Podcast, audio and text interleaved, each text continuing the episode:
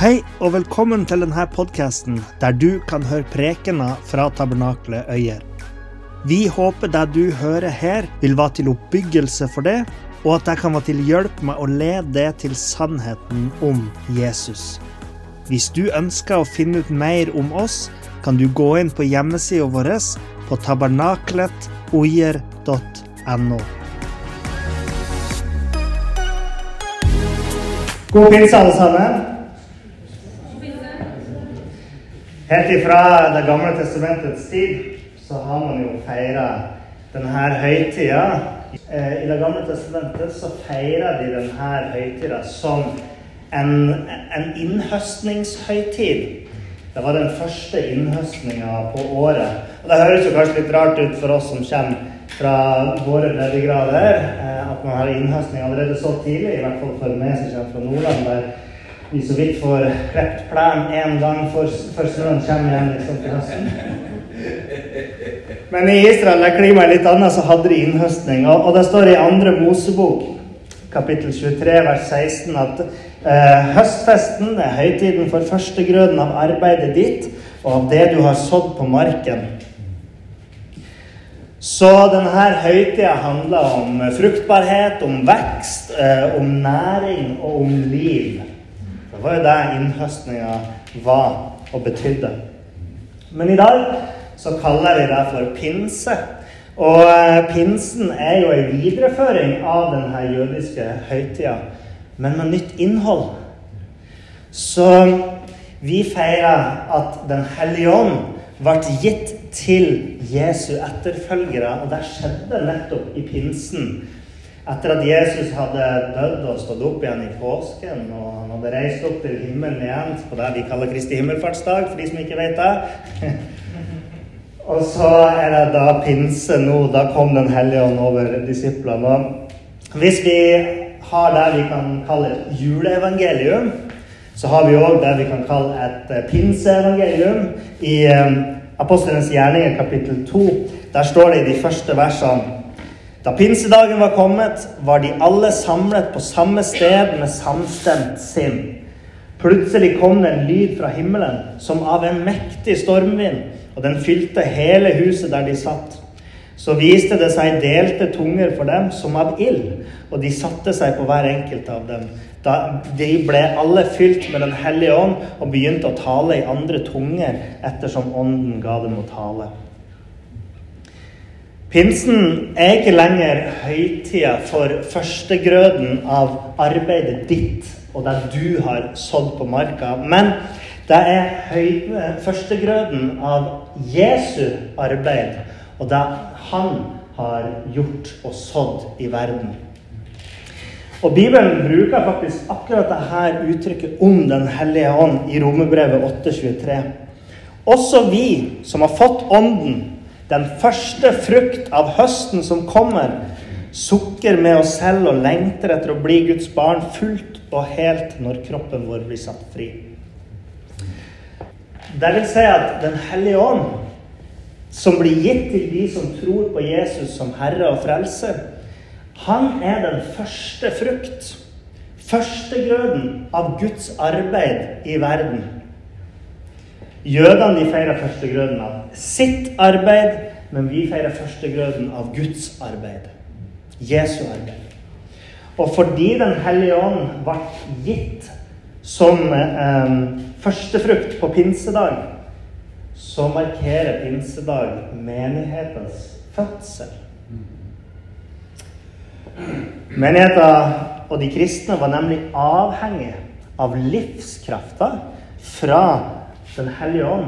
Virkekraften som Den hellige ånd ville gi inn i kirka, inn til disiplene. Og På pinsedag så skjedde det med stor kraft, og det var den dagen da kirka, Jesu Kristi kropp i verden, ble til liv. Og de fikk kjenne at Gud ga vekst i deres indre.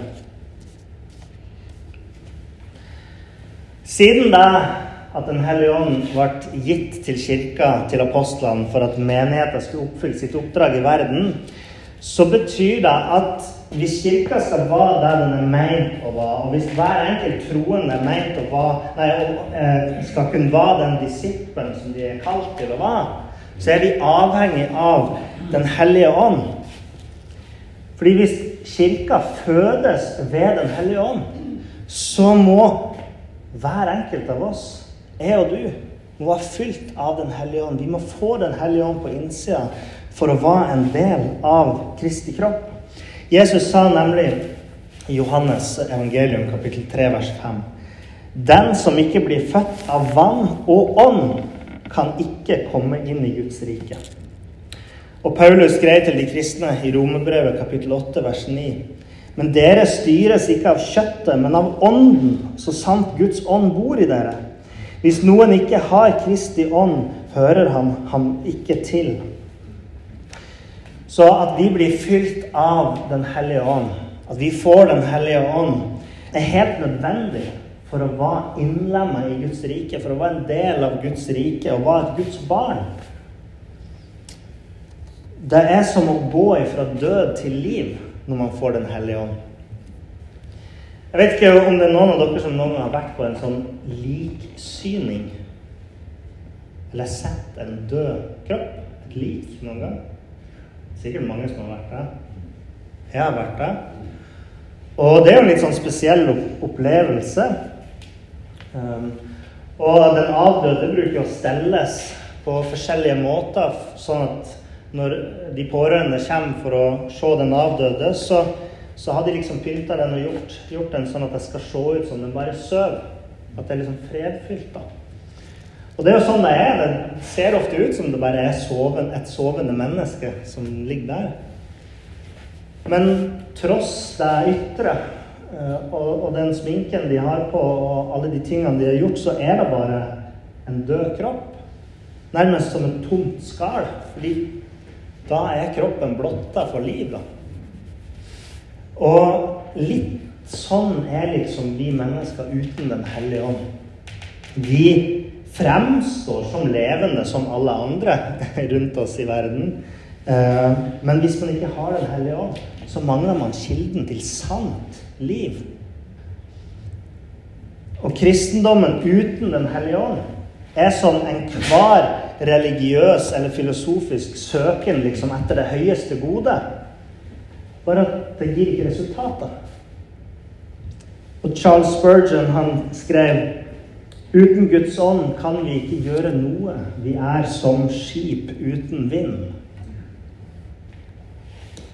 Jesus han eh, reiste bort fra verden eh, på Kristi himmelfartsdag for at han skulle kunne sende Den hellige ånd.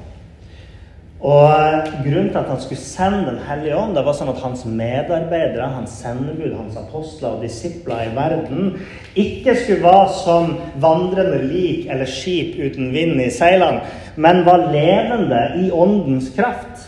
Slik at Jesus kunne sende sin ånd, og på den måten var nær oss alle og var til styrke for oss alle. Eh, det står i Johannes evangelium kapittel 16 vers 7. Da sa Jesus det er til det beste for dere at jeg går bort. Hvis jeg ikke går bort, kommer ikke talsmannen til dere. Men hvis jeg går bort, så skal jeg sende ham til dere. Så Noen syns kanskje det er rart at Jesus måtte reise opp til himmelen, men han sier at det var nødvendig. Det var for deres skyld. Jesus han ville ikke bare liksom vandre rundt omkring på jorda her for å liksom fortelle fine sannheter som kunne bli skrevet ned og tatt meg inn i evigheten. Men hans oppdrag var så mye større. Han ville bli ei bro mellom himmel og jord. Jesus ble den broa. Og på den måten så kunne han bringe Guds rike nær til oss. Det var hans oppdrag. Han gikk rundt og sa det. Guds rike vil komme nær til dere. Og han døde for våre synd til syndenes tilgivelse. Han kom hit for å skulle stå opp fra de døde og vise at han kunne bryte dødens makt og, og fremstå som den gjenoppståtte Guds sønn til håp om et evig liv. Og han ville sende sin ånd med sin livskraft inn i menigheten og hver enkelts troendes oppdrag og tjeneste her i verden. Så derfor så har alle som tror, de har sannheten i Guds ord jo i Jesu ord. De har syndenes tilgivelse ved hans død. Vi har håp i hans oppstandelse, og vi har kraft ved hans ånd. Alle de tingene, eh, det er Guds verk. Så menigheten er altså mer enn noen som bare tror de riktige tingene. Mer enn bare noen som gjør de riktige handlingene. Paulus han skrev i Rombrevet 8,6.: For det kjøttet vil, er død, men det ånden vil, er liv og fred. Altså ved å gi oss Den hellige ånd, så blir vi noe mer enn bare mennesker. Vi blir et fellesskap som utgjør Guds bygning, eller Jesu kropp, på jord. Og for å være det, så sa Jesus vi må ha Den hellige ånd. Så Den hellige ånd Jeg kan ta neste bilde. Den hellige ånd er de troendes blodårer og nervesystem som strekker seg gjennom hele legemet. Ikke bare mitt legeme, men gjennom hele Jesu kropp på jord. Gjennom hele den verdensvide kirke, gjennom alle som tror, og binder oss sammen i Kristus. Okay? Åndens komme var jo da kirkens fødselsdag. Og siden kirka består av enkeltmennesker, så betyr det at hver enkelt må ta imot Den hellige ånd for å være en del av denne kirka. Og vi har jo dåpen ikke sant, og nattverden, som vi snakker om som ytre tegn på vår deltakelse eller, eller, menighetens tilstedeværelse i verden. Ytre, synlige tegn på at vi er menigheter. Og så har vi eh, Ånden som et indre segl på at vi eh, ved tro er kirken i verden. Eh, 1. Johannes kapittel 5 vers 7-8, der står det For det er tre som vitner. Ånden, vannet og blodet, og disse tre samstemmer. Jesus han la et objektivt, historisk grunnlag for eh, frelsen vår som ingen kan ta vekk. Og det er ved vår tro og tillit til Han og det Han har gjort, at vi kan få del i frelsen. Og har vi fått del i Guds rike og, og det evige liv, så blir Den hellige ånd gitt til oss og fungerer som et segl på at vi har blitt en del av Jesu kropp. I Efeserbrevet kapittel 1 vers 13 står det I ham kom også dere til tro da dere hørte sannhetens ord, evangeliet om deres frelse. I ham ble dere merket med seilet, Den hellige ånd, som ble lovet oss. Her er noen eksempler på seilene. Ekthetsbevis, liksom. Um, jeg regner med kompisen min har satt pris på den Nintendo-seilet der. Ja, ikke sant? Eh, definisjonen på et segl er står i ordboka avtrykk i laks, voks, metall eller papir som er festet til et dokument for å bekrefte at det er ekte. Det vil si at Når Paulus skriver at Den hellige ånd er et segl, så betyr det at Den hellige ånd er et avtrykk i lakk eller voks eller metall. Ikke sant? Nei, jeg ikke det. Han eh, er jo ånden er et avtrykk i voks, men det er en metafor for at Den hellige ånd festes på oss som troende for å bekrefte at vi er ekte troende. Så Gud kjenner oss igjen ved at vi har Den hellige ånd. Ånden vitner òg til oss og forsikrer oss om at vi er en del av eh, Guds rike. Så han er våre segl. Men da Den hellige ånd kom over disiplene på pinsedag, så skjedde det noe mer enn at han bare ga dem et, indre vitnesbyrd på at, eh, at de liksom trodde på Jesus og, og var frelst og de her tingene her var en del av Guds rike. Det var mer enn bare en sånn indre bekreftelse. Fordi Det som er interessant å lese om pinsedag, er at man så en sånn tydelig og merkbart og synlig skifte i de troendes liv på pinsedag når Den hellige ånd kom over dem. Så godt som alle disiplene hadde eh, flykta og var et annet sted da Jesus hang på korset. Da han trengte sine venner som mest, på en måte. Eh, innen Jesus ble hengt på korset, så hadde jo f.eks. Peter, som vi kan forstå som en av eh, Jesu nærmeste disipler, han eh, hadde jo fornekta tre ganger at han kjente Jesus.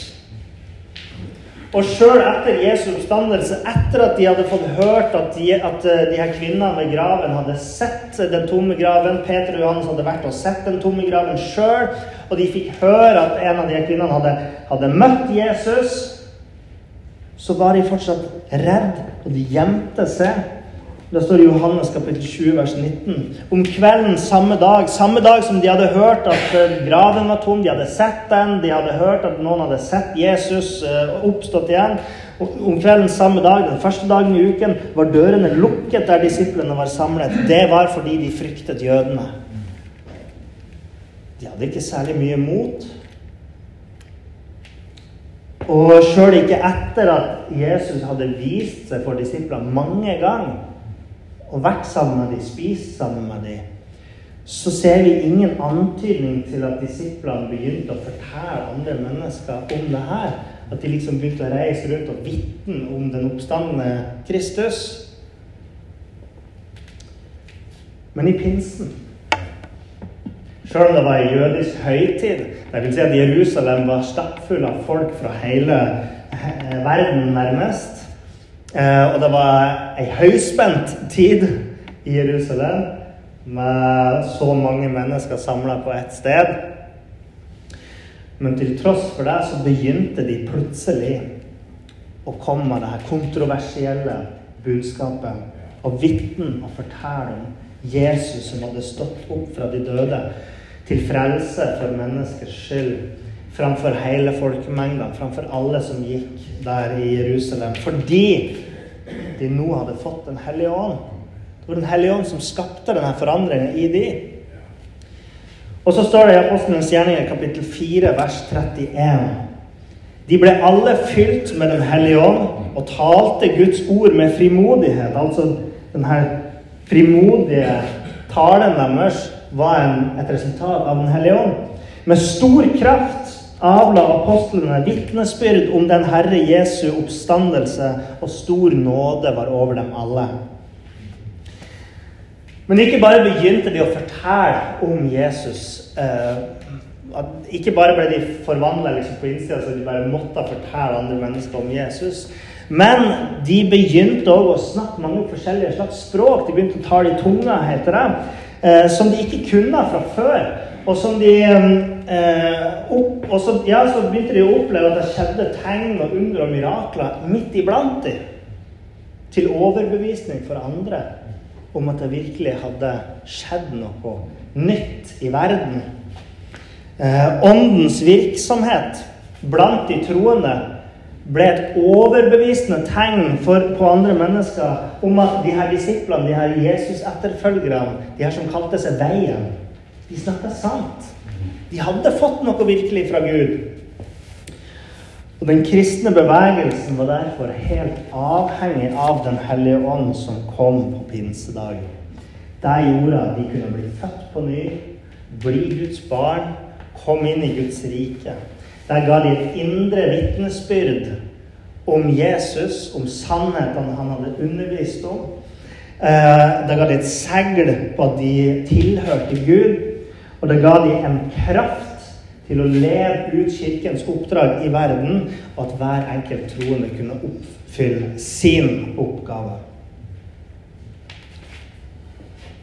Og så er det jo sånn at vi kristne tror på og lærer at Den hellige ånd fortsetter å bli øst ut over de som tar imot Jesus som Herre og Frelser i dag. Paulus han skrev i Galaterbrevet kapittel 5 vers 16-25.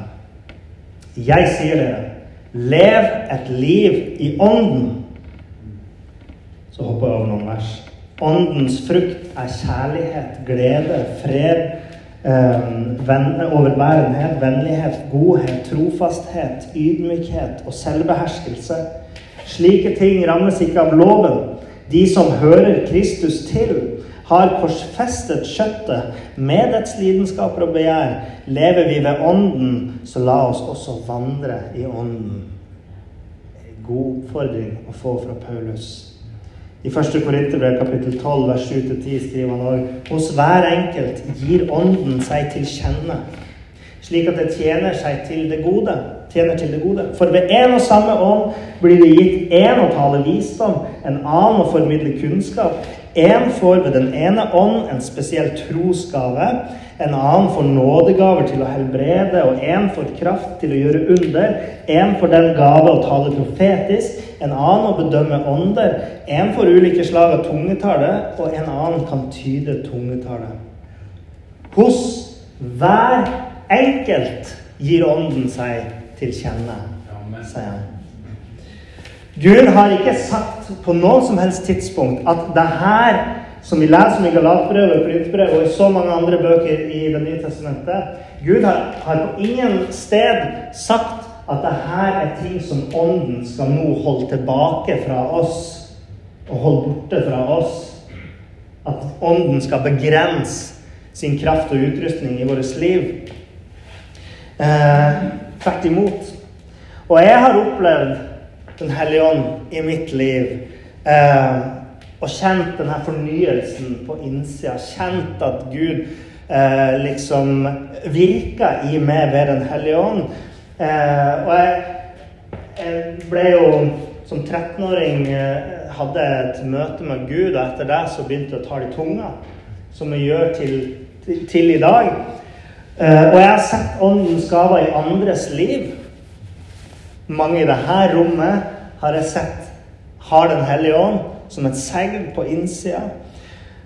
Men åndens kraft og berøring finnes òg liksom utafor pinsebevegelsen. Det er viktig for oss pinsevenner å huske. Vi gjør ikke enekrav på Den hellige ånd.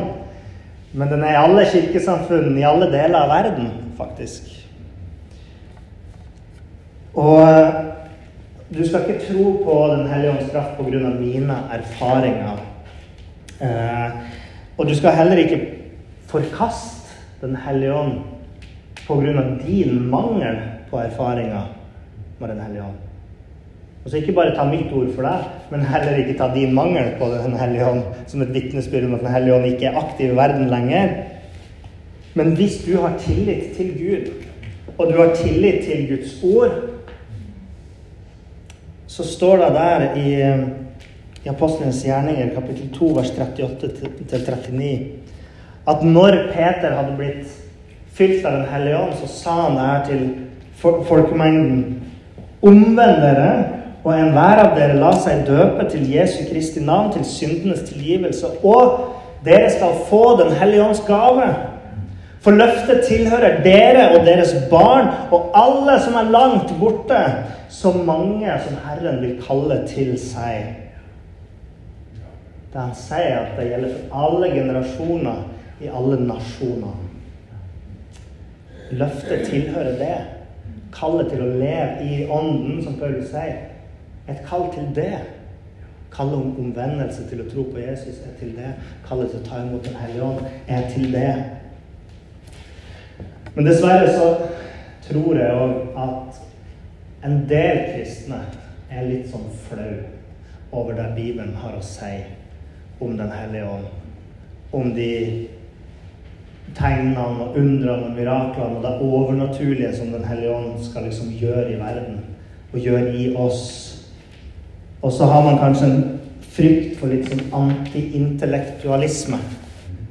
At man er redd for at ja, men hvis jeg liksom begynner å tro bare på Den hellige ånd, og han kan gjøre hva som helst, så slutter jeg å tro på mitt eget intellekt. Men jeg snakker ikke om Den hellige ånd som ei unnskyldning til å slutte å bruke din egen kunnskap og visdom i verden. Jeg snakker ikke om å legge fra deg din, ditt intellekt og alt du kan.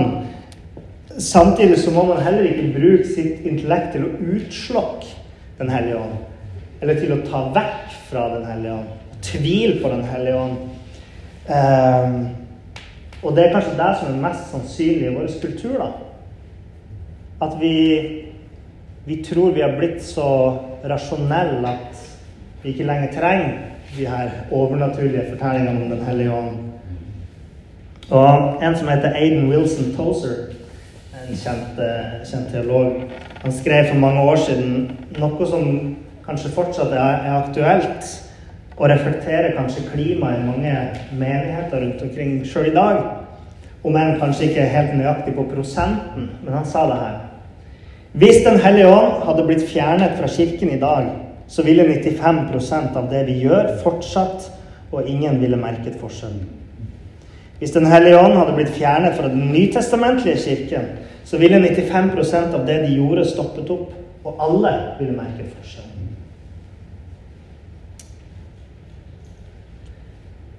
For hvis vi spør oss sjøl, gjør vi oss avhengig av Den hellige ånd? Liksom? Lev i ånden. Altså det, det går igjen i hele Nytestamentet. Det er en sjølfølge at alle som er troende, lever og vandrer i liksom Den hellige ånd. Og i, i den ledelsen og, og sånt. Så det er en ting vi kan reflektere over. Bibelen sier ganske enkelt til oss lev i ånden. Hvis du er en som tror på Jesus som Herre, har tatt imot Han som frelser, så regner jeg med at du da håper på evig liv, eh, og at du skal få komme i Guds nærhet, i paradis, og at du lengter etter å bli liksom Guds barn fullt og helt. Da, da er jo ånden førstegrøden. Den første frukten. Ånden er liksom pantet som vi får på den arven som vi venter på. Hvis du lengter etter høstens frukter ikke sant? Eh, pinsen er førstegrøden, og så var det jo en høst som skulle komme seinere.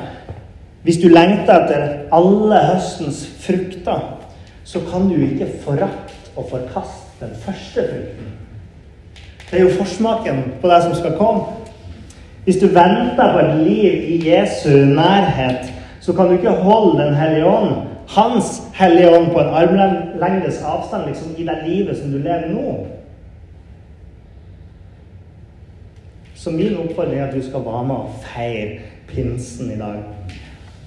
Feire at Den hellige ånd dveler iblant oss mennesker.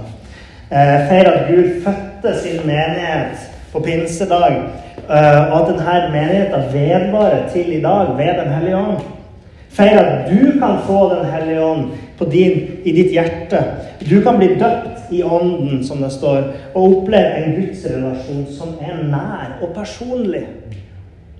Feir at du kan erfare at livet ditt blir forvandlet, og at du blir innviet til å leve i det kallet som Gud har for alle troende.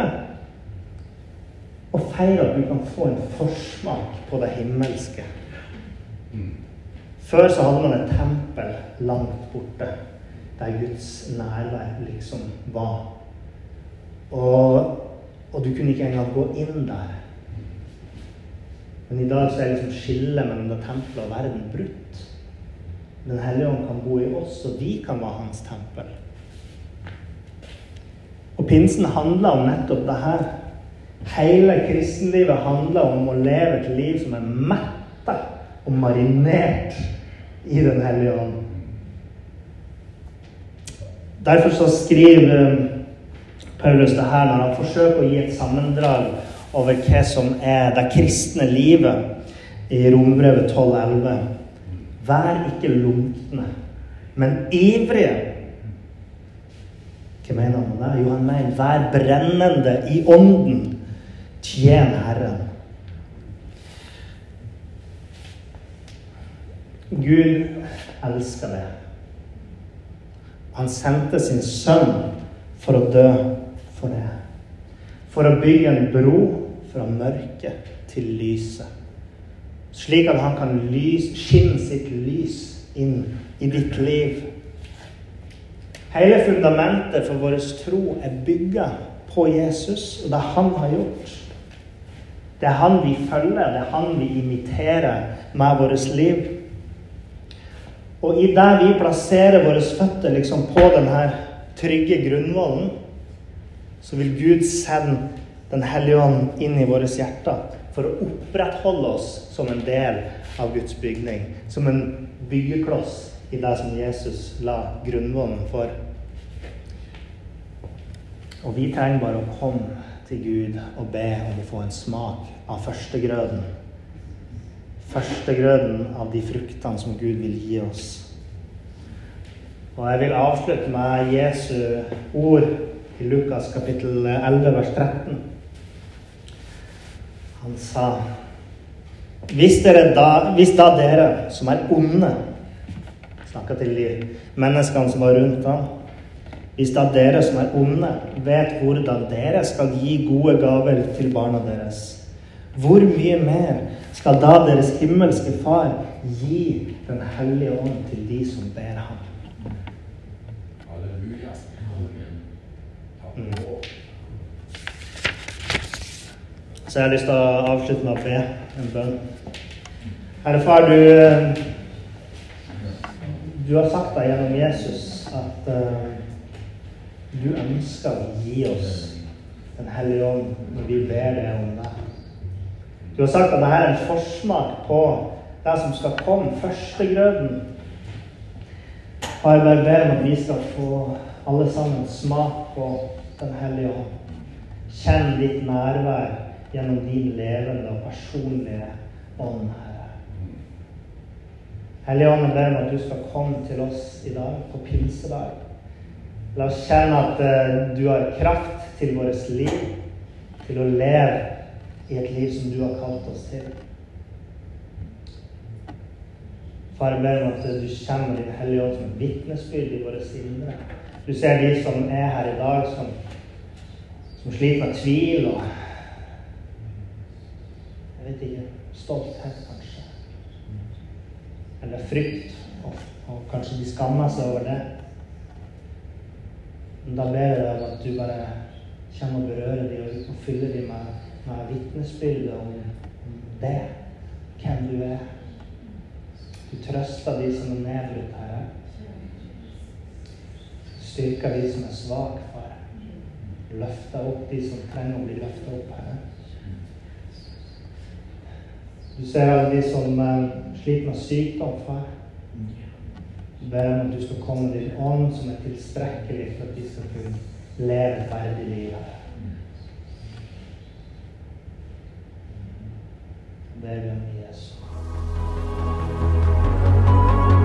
Takk for at du hørte på. Hvis du tok et steg i tro i dag, eller du har noe du ønsker forbønn for, så vil vi gjerne høre fra det via e-postadressen kontakt alfakrølltabernakletoier.no. Du er òg velkommen til våre ukentlige gudstjenester i menighetslokalet i Haugskutua 5 26 36 Øyer.